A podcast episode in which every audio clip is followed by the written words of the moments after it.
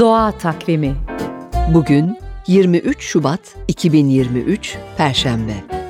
NTV Radyo iyi günler diler. Cumhuriyet döneminde İstanbul'un en şiddetli kışı 67 yıl önce yaşandı. 23 Şubat 1954 tarihli gazeteler İstanbul'da hayatın felç olduğunu yazıyordu. Ertesi günse buz tutan Tuna Nehri'nden kopan parçalar saatte 100 kilometre hızla esen fırtınada koparak İstanbul Boğazı'na geldi ve boğazı kapattı. Hürriyet gazetesi 9 sütuna manşette dün boğazı yaya geçmek kabil oldu diye yazarken, Akşam gazetesi buzlar üzerinde cesetler görüldü manşetleriyle çıkmıştı. Doğa Takvimi